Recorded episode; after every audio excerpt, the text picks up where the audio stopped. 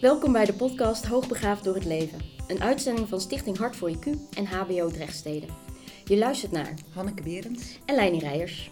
In deze podcastserie van acht afleveringen nemen we je aan de hand van het basisboek Hoogbegaafde adolescenten, de theorie en de praktijk, mee langs de belangrijkste thema's. Vandaag komt hoofdstuk 3 over motivatie aan bod. En daarvoor gaan we in gesprek met Goof Laurens, neurodivers social designer. We zijn benieuwd. Welkom. Ja, dankjewel.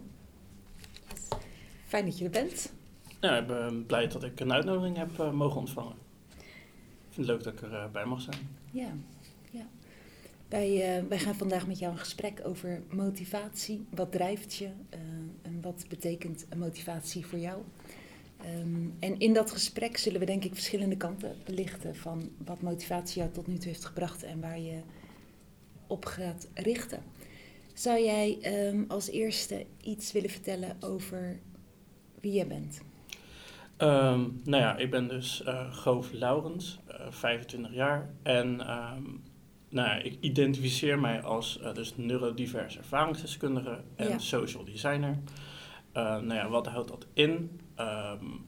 Nou ja, ik heb zelf autisme. Mm -hmm. Ik heb uh, posttraumatische stressstoornis gehad. Mm -hmm. Officieel uh, heb ik al zo lang geen symptomen dat ik het niet meer heb, gelukkig. Mm -hmm. En uh, ik heb negen jaar gevochten met een depressie.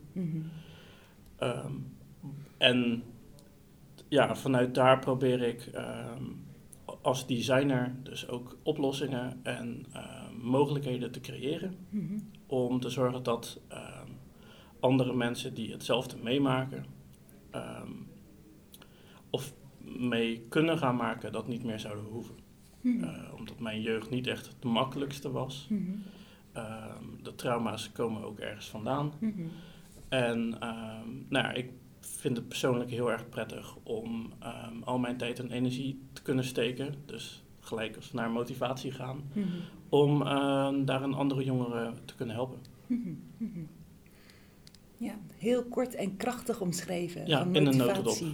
Drijft ja. jou, hè, motivatie is wat jou drijft om anderen te helpen. Exact.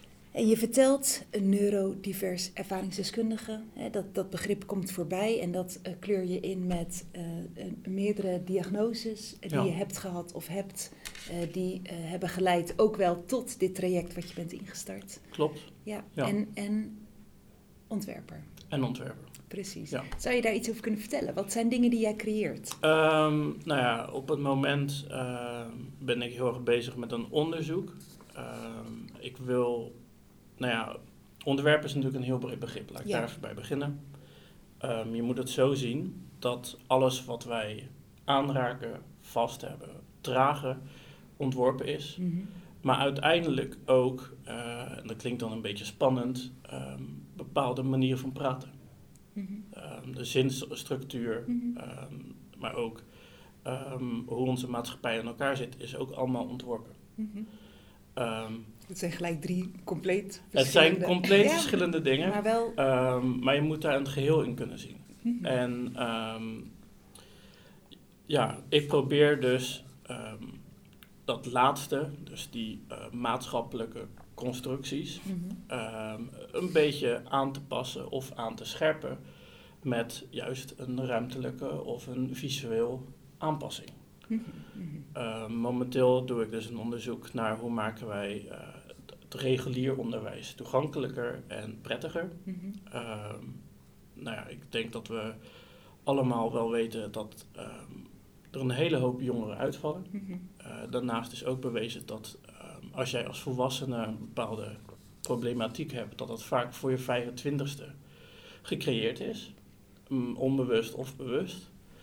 En um, nou ja, waarom passen we het dan niet aan? En ik vind het dan mijn persoonlijke taak om daar wat aan te doen. Uh, hoe ik dat ga doen, weet ik nog niet. Mm -hmm. Maar um, nou ja, voorbeelden van wat ik wel al gedaan heb, um, is dat ik bijvoorbeeld een sociaal digitaal platform ontworpen heb. Mm -hmm. Denk aan een soort Facebook mm -hmm. uh, voor jouw wijk. En um, daar kan jij als buurtbewoner uh, op.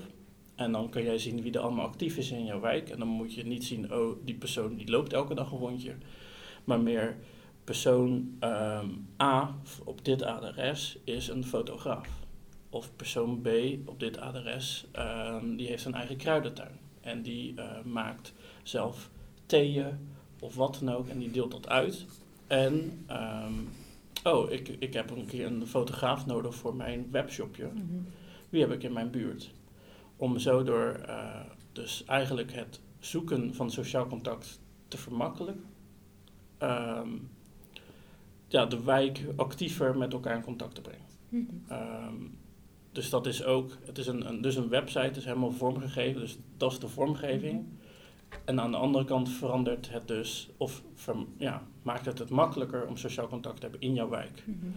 Eh, waardoor je ook eenzaamheid misschien een beetje kan afnemen in jouw wijk. Mhm. Mhm. Maar ook eh, de sociale, ehm, ja, ik ben even het woord kwij- kwijt, maar de sociale waarde, dus Cohesie. cohesie, te vergroten en te Mhm. versterken. Ehm, en zoiets wil ik ook hopelijk gaan doen binnen het onderwijs.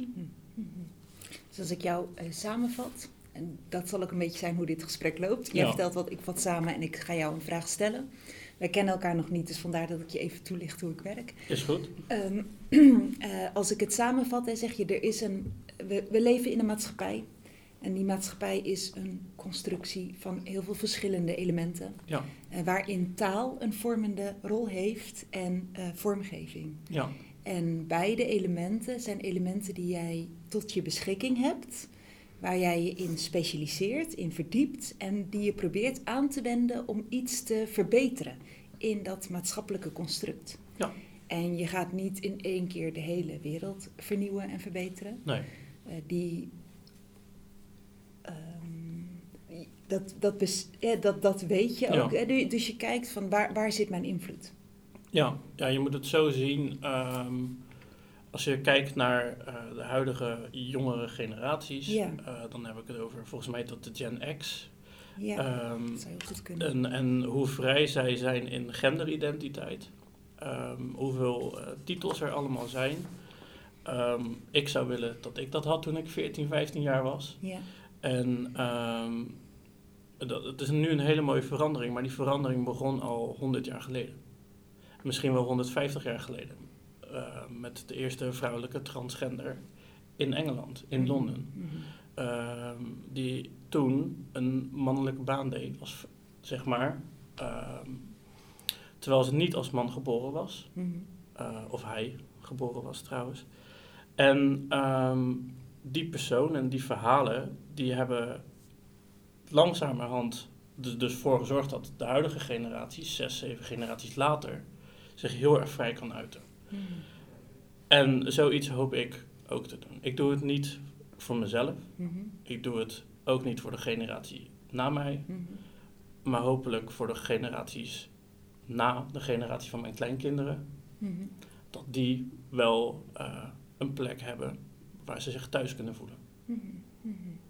Dus jouw drive ligt op het nalatenschap, als ik het zo mag In zeggen. principe wel. Ja. Ja, Om iets te veranderen. En Ja. een voorbeeld daarin, wat jij noemt, is de impact die de eerste transgender persoon heeft gehad op de samenleving. ja, Wat eh, door het innemen van een bepaalde positie, maar ook wel door woorden te geven aan de gevoelens die er zijn, ja. door woorden te geven aan de beweging die die persoon wilde maken, is er langzaam maar zeker, bijna druppelsgewijs, een proces in gang gezet. zeker. En dat druppelsgewijze proces probeer jij te herhalen op een front wat jou raakt. Ja, en ehm, ik, ik probeer het te benaderen vanuit een ondernemerspositie. Oké. Dus niet per se, ehm, en, en daarmee bedoel ik niet dat het voor mij om inkomen gaat. Het is meer, ehm, ik probeer het te zien als een business. Dus in plaats dat ik echt de maatschappij wil veranderen als individu, Mhm, wil ik het samen met mensen doen, mhm, voor mensen. mhm. En ehm, daarmee ook het toepassen van hoe een normale business zou lopen. Mhm. Ehm, ja, business is een beetje een gek woord, ondernemerschap ook, als je het in deze context plaatst. Ja, Ja, Nou, vind je? ja, goede vraag. Ja, ik vind van wel, ehm, zeker als je kijkt naar ehm, sociale bedrijven, als je kijkt naar een NGO, als je kijkt naar een sociaal ondernemer, dan wordt er heel vaak van uitgegaan dat die geen geld mag verdienen. Dat die persoon ehm, zijn brood ergens anders vandaan moet halen. En ehm, gelukkig zien we daar nu verandering in. Eh, ook vanuit de Europese Unie, die daar mogelijkheden en budgetten voor vrijmaakt. Ehm, en ik probeer het dus dan ook te benaderen van, nou ja, ehm, ik zie het, ik, ik, ik doe het als een one-man battle. Mhm. Maar dat hoeft het niet te zijn. Mhm. En ik denk dat we daarom vers- versnellend ehm, verandering kunnen aanpakken als je het eh, als een soort ondernemer doet. Dus tegelijk een netwerk opbouwen. Ehm, bijna een soort marketingstrategie eraan gaat hangen. Mhm. Ehm, en dat is ja, een, een, een nieuwe benadering. Het wordt gelukkig al gedaan.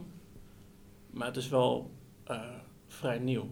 Eh, zeg maar, Het is nog geen gemeengoed, nee. Nee, nee.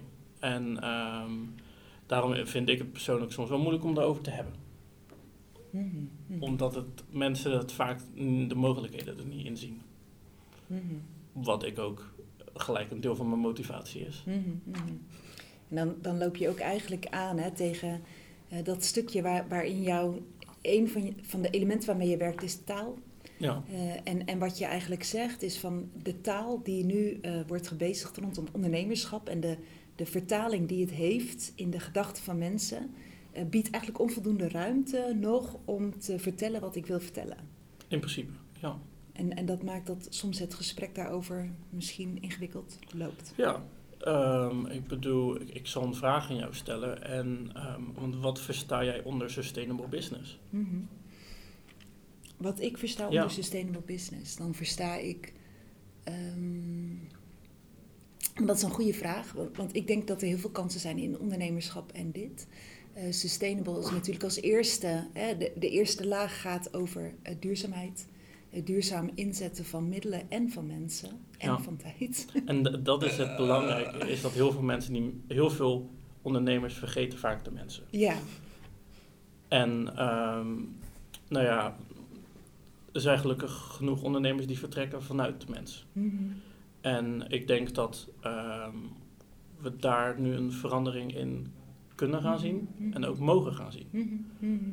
En ehm, dat is hoe ik hem, waarom ik hem ook vroeg, omdat je had het gelijk over duurzaamheid. Mhm.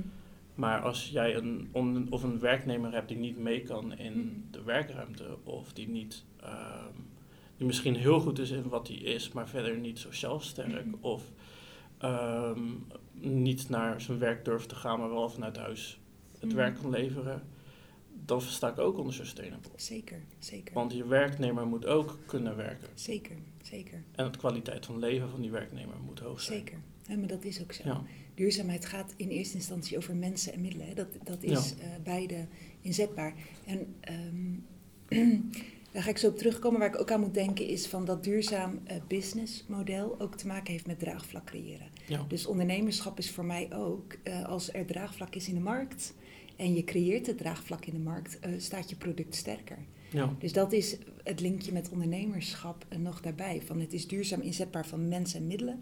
En het is duurzaam communiceren met de markt om draagvlak te creëren. ja, En ik denk dat in die combinatie vind ik dat jij spreekt over ondernemerschap heel logisch. ja, Ja, en, en, en dat linkje wat ik net nog even parkeerde, is dat het voor mij ook wel gaat over hoe kijk je naar mensen en naar middelen. ja, Omdat ik denk dat we daarin eh, mogelijk in deze generatie en hopelijk ook de volgende generaties een flinke verbeterslag kunnen maken. ja, Waarin er een bepaalde tendens is gekomen in onze maatschappij om mensen te zien als middelen.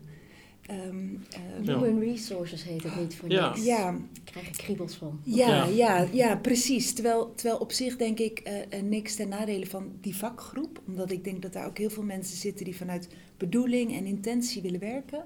Maar wel eh, op het moment dat we mensen gaan zien als eh, instrumenteel, ja. dan verliezen we denk ik alles wat waarde heeft. Dus Ja. dat, het, het is voor mij een heel urgent onderwerp.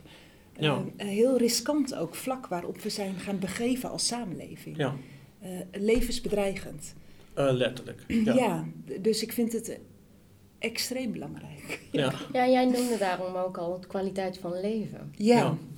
Ja, Dat het daar iets aan toevoegt. Ja, ja ehm, ik, ik vind dat iedereen een, een ja, niet alleen een passie moet hebben voor zijn werk, maar ook voor zijn werkomgeving. Ja.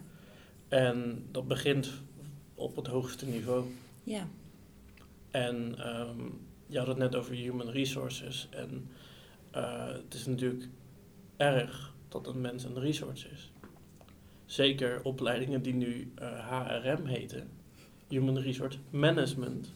Dus dat er nog mensen zijn die ehm, ja, letterlijk gaan bepalen wat die resource gaat doen. Uh, waardoor we eigenlijk de humanity van die human resource wegnemen. Um, wat nu een heel groot probleem is, vind ik persoonlijk. En ja, um, ja we gaan nu natuurlijk best wel in het gesprek heel erg de business kant op. Maar ook als je kijkt naar, um, als we even een stapje terugnemen naar uh, het onderwijs. Um, ik bedoel, we worden helemaal klaargestoomd om een bepaalde kant op te precies, gaan. Precies, precies. En um, klinkt misschien heel gek, maar ik heb de beste gesprekken met de mensen die een opleiding niet hebben afgerond. Dat zijn voor mij vaak de echte mensen. Mm -hmm.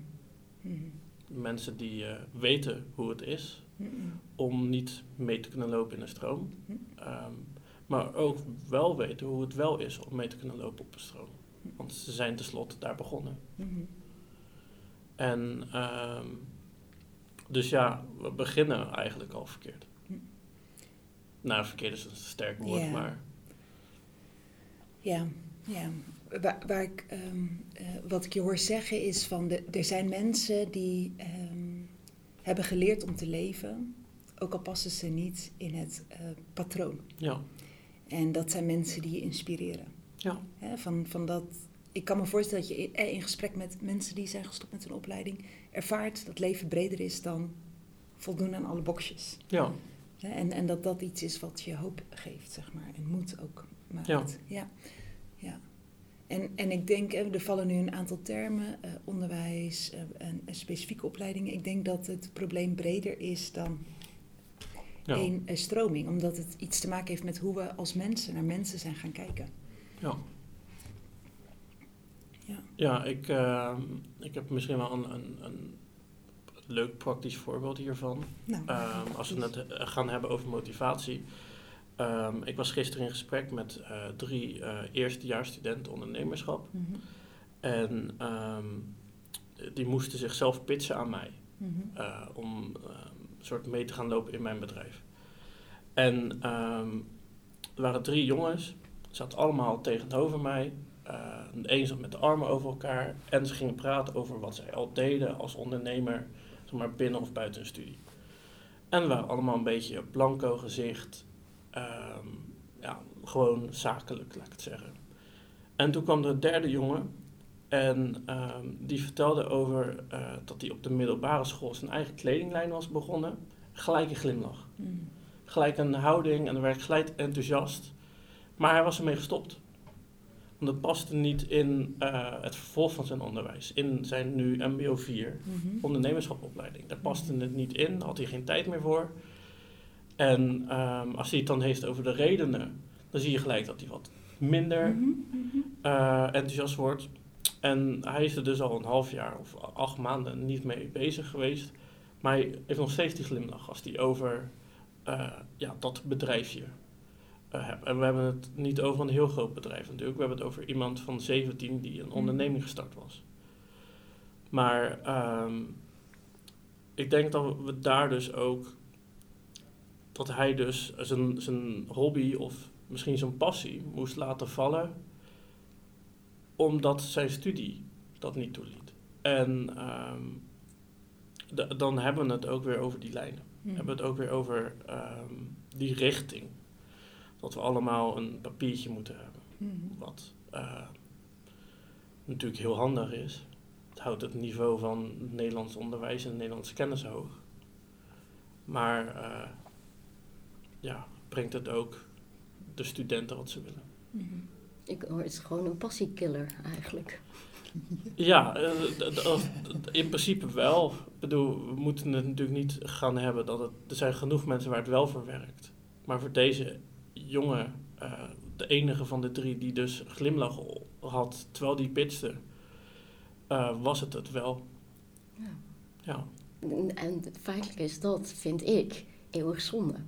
Ja, ja zeker. En ehm, dan moeten wij ook als volwassenen, ehm, wat natuurlijk, ik, ik vind Waar, waar je nu ook bij hoort. Ja. Ja, officieel dus niet hè. Officieel is jongeren tot 27 Oké, oké. en ik ben 25. Oké, nou maar heb, je, heb je nog even de tijd. ik heb nog even de tijd. Maar als, als ik, toen ik opgroeide was volwassenen 8, nee 21. Ja, Dus dan was het wel. Dus het is, het- ik vind daarom het begrip volwassenen een heel raar woord. het is heel fluïde geworden. Ja. ja. Ja, het is meer een, een houding die je aanneemt of een bepaald eh, huisje, boompje, beestje verhaal dat een volwassene is. Terwijl je genoeg eh, volwassenen tegenwoordig, huisje, boompje, auto, zeg maar, of nee, eh, boompje, auto, laat maar, in ieder geval die, ehm, waar ik persoonlijk heel veel respect voor heb van die mensen die vanlife doen.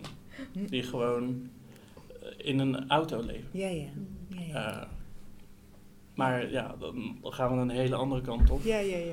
Maar dat is wel leuk. Ja, Ja. Dit, dit gesprek kabbelt ook alle kanten op en af Mag en toe ook komen we weer Ja. motivatie Af en toe komen we bij tegen. motivatie tegen. Ja, ja want, want tussen de regels door vang ik van jou op dat motivatie voor jou gewoon heel erg zit en steeds terugkomt op wat je gunt. ja, Wat je andere mensen gunt. ja, Dus eh, jij, jij raakt volgens mij gemotiveerd als je iemand ziet stralen als die iets vertelt. ja, ja, in principe eh, is dat het voor mij eh, gewoon het belangrijkste. Ehm, als mensen om mij heen gelukkig zijn, ehm, dan heb ik het goed gedaan. Zo zie ik het een beetje. Ehm, ik zie het ook, is heel grappig. Ik heb mijn hele leven gezegd, eh, als mensen aan je vragen wat is levensdoel, dan zeg ik, heb ik altijd gezegd, als ik één persoon help om zichzelf te accepteren of zichzelf te zijn, dan heb ik mijn werk goed gedaan. Ehm, en dat doel heb ik ondertussen bereikt. Maar nu gaat het om de aantallen. En nu gaat het om de hoeveelheid mensen. En ik heb niet, ook moet duizend mensen helpen. Nee, ik heb meer gewoon, ik ga gewoon de rest van mijn leven proberen te zorgen dat mensen ehm, vrolijk en blij zijn met wie ze zijn. Hm. Hm. En dat is voor mij mijn levensdoel en mijn motivatie. Ehm,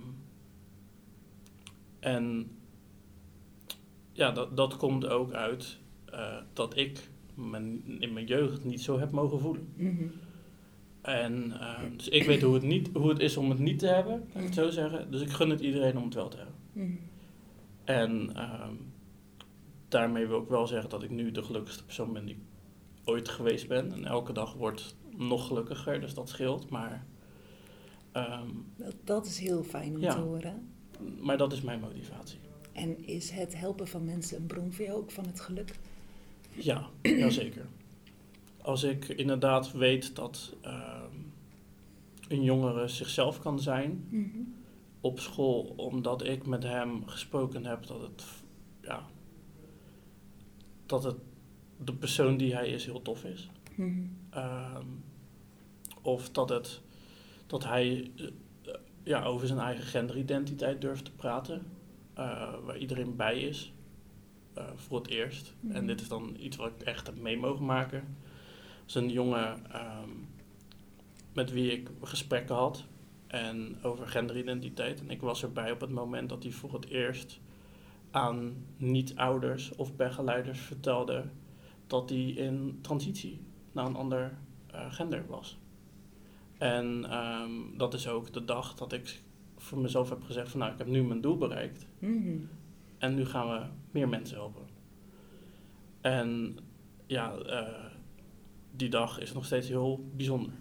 En ehm, als ik inderdaad kijk, van dat is mijn motivatie. Dat is mijn st- stimulant ook gelijk. Ehm, ja, en ik bedoel, ik zit nu ook met een glimlach erover te praten. Ja, ja, zeker. Ja. Ik zie het. Ik zie ook dat het je raakt. Ja, dat raakt me zeker. Ja. Zeg maar, ik probeer wel de traantjes weg te vegen nu. Maar, of nou ja, weg te vechten. Maar ja, ja, ja, zie ik. Het is, het is een emotioneel intiem moment om bij getuige van te mogen zijn. ja, En daar een deel in te mogen hebben bijdragen. ja. Zo. dat, ja, het beeld is er toch niet. ja. Nee, oké, maar, maar ja, het is. ehm, het kwam die dag heel erg dichtbij. Ja. En ehm, ik, ja, ik gun het in principe echt iedereen ook om het gewoon mee te maken. Dat ehm, jongeren in jouw leven, dus denk aan je, je neef, je nicht, ehm, maar ook je, gewoon je eigen kinderen, Ja. dat die zichzelf durven te zijn. ja. Wat op een 14, 15-jarige leeftijd heel moeilijk is. En waanzinnig krachtig en vera- levensveranderend als het kan. Ja, Ja, ja, als je jezelf durft te accepteren op die leeftijd al. ja, ja. Ik was zelf 21 toen ik Hm. wist wie ik was. Hm. En dat is een luxe positie. Hm. Dus moet je nagaan als je 14, 15 jaar bent. En dan de rest van je leven dus kan leiden alsof je, ja, als jezelf. Hm. En ehm, ja, ik ben even de, de context van Nee, de vraag kwijt. ik, maar, ik pak hem weer terug, ik pak hem weer terug. Dat is, dat is wat gebeurt. Als iets je zo raakt. Hè, en dat vind ik ook mooi in je verhaal. Hè, we, we zoomen in op een moment waar jij in heel erg geraakt bent. Door de openheid, door de herkenning, door wat jij mede mogelijk hebt mogen maken.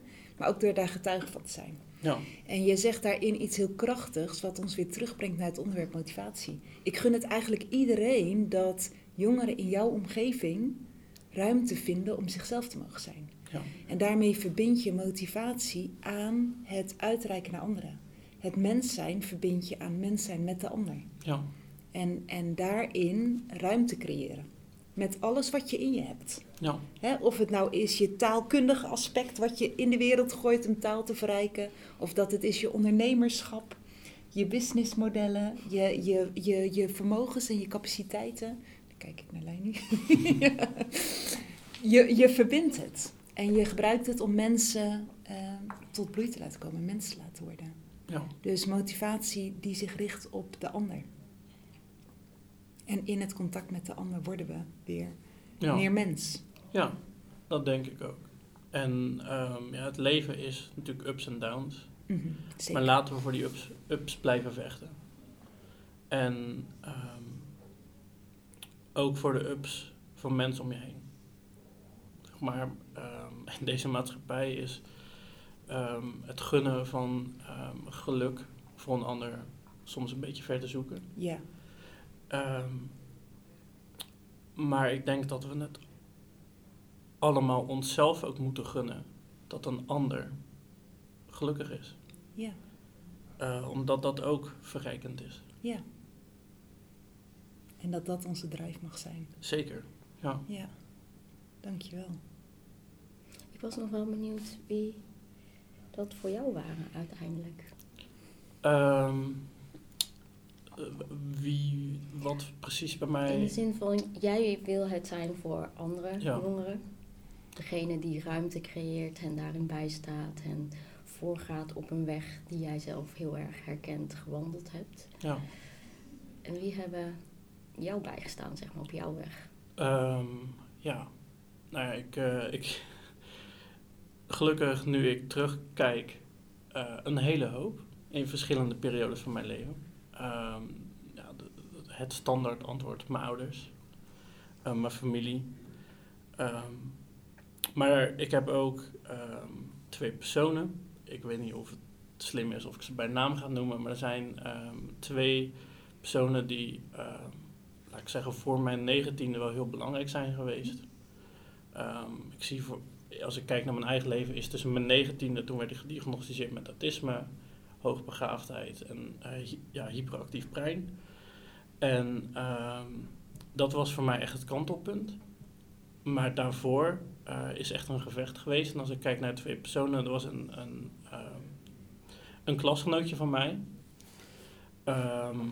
Dus ik denk dat ik 14, 15 was. En ehm, ik was heel erg, ik, ik werd zwaar mishandeld in, op school. En ehm, nou ja, deze meid is echt de, letterlijk de reden dat ik hier heb mogen zitten. Hm. Ehm, en dan, ja, dan gaan we nu een hele diepe, zware onderwerp eh naar ja, een kant op. Maar ehm, er zijn bepaalde keuzes die ik had gemaakt eh, voor een bepaald weekend. En toen vroeg deze meid of we dat weekend wat wilden doen. En dat is voor mij een kantelpunt geweest. Dat is echt uh, ja, de reden dat ik echt hier mag zitten, laat ik het zo zeggen. En aan de andere kant was er een, een meneer in mijn dorp. Um, ja, ik zal hem gewoon bij naam noemen, want dat, dat gun ik hem ook. Erik. En um, Erik, ja, die is dus uh, pedagoog.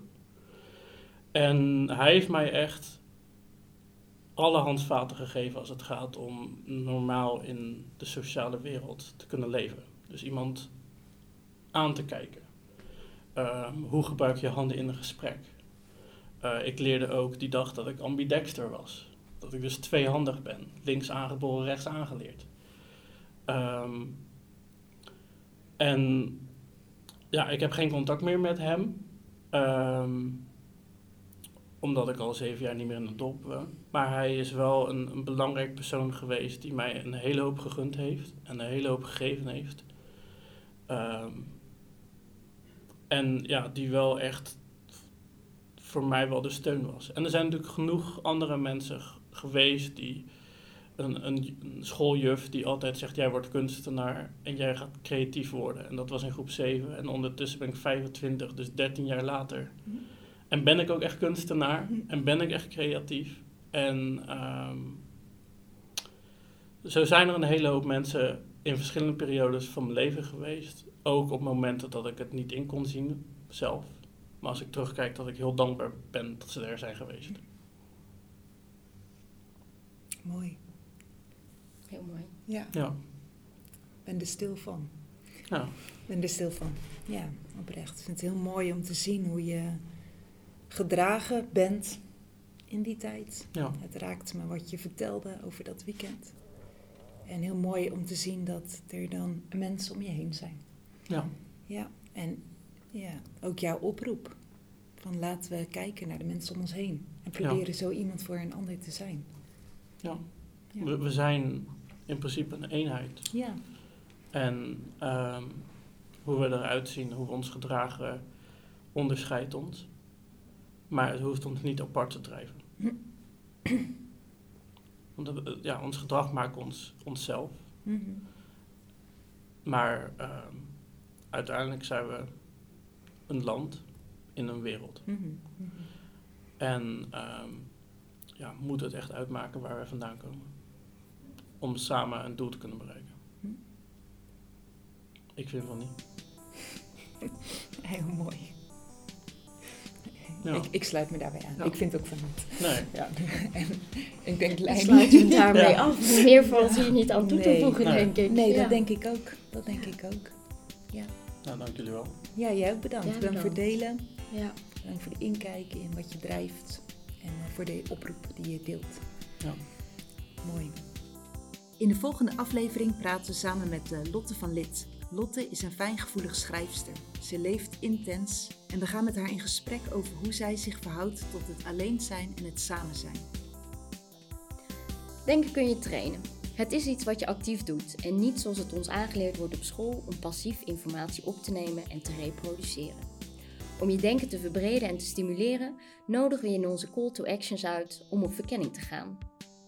Neem de komende week eens een andere houding of rol, dus tegenovergesteld aan wat je normaal doet of hoe je normaal bent aan, binnen een groep of in een interactie met een onbekend persoon. Wat voor reactie kreeg je daarop? Deel het in de comments.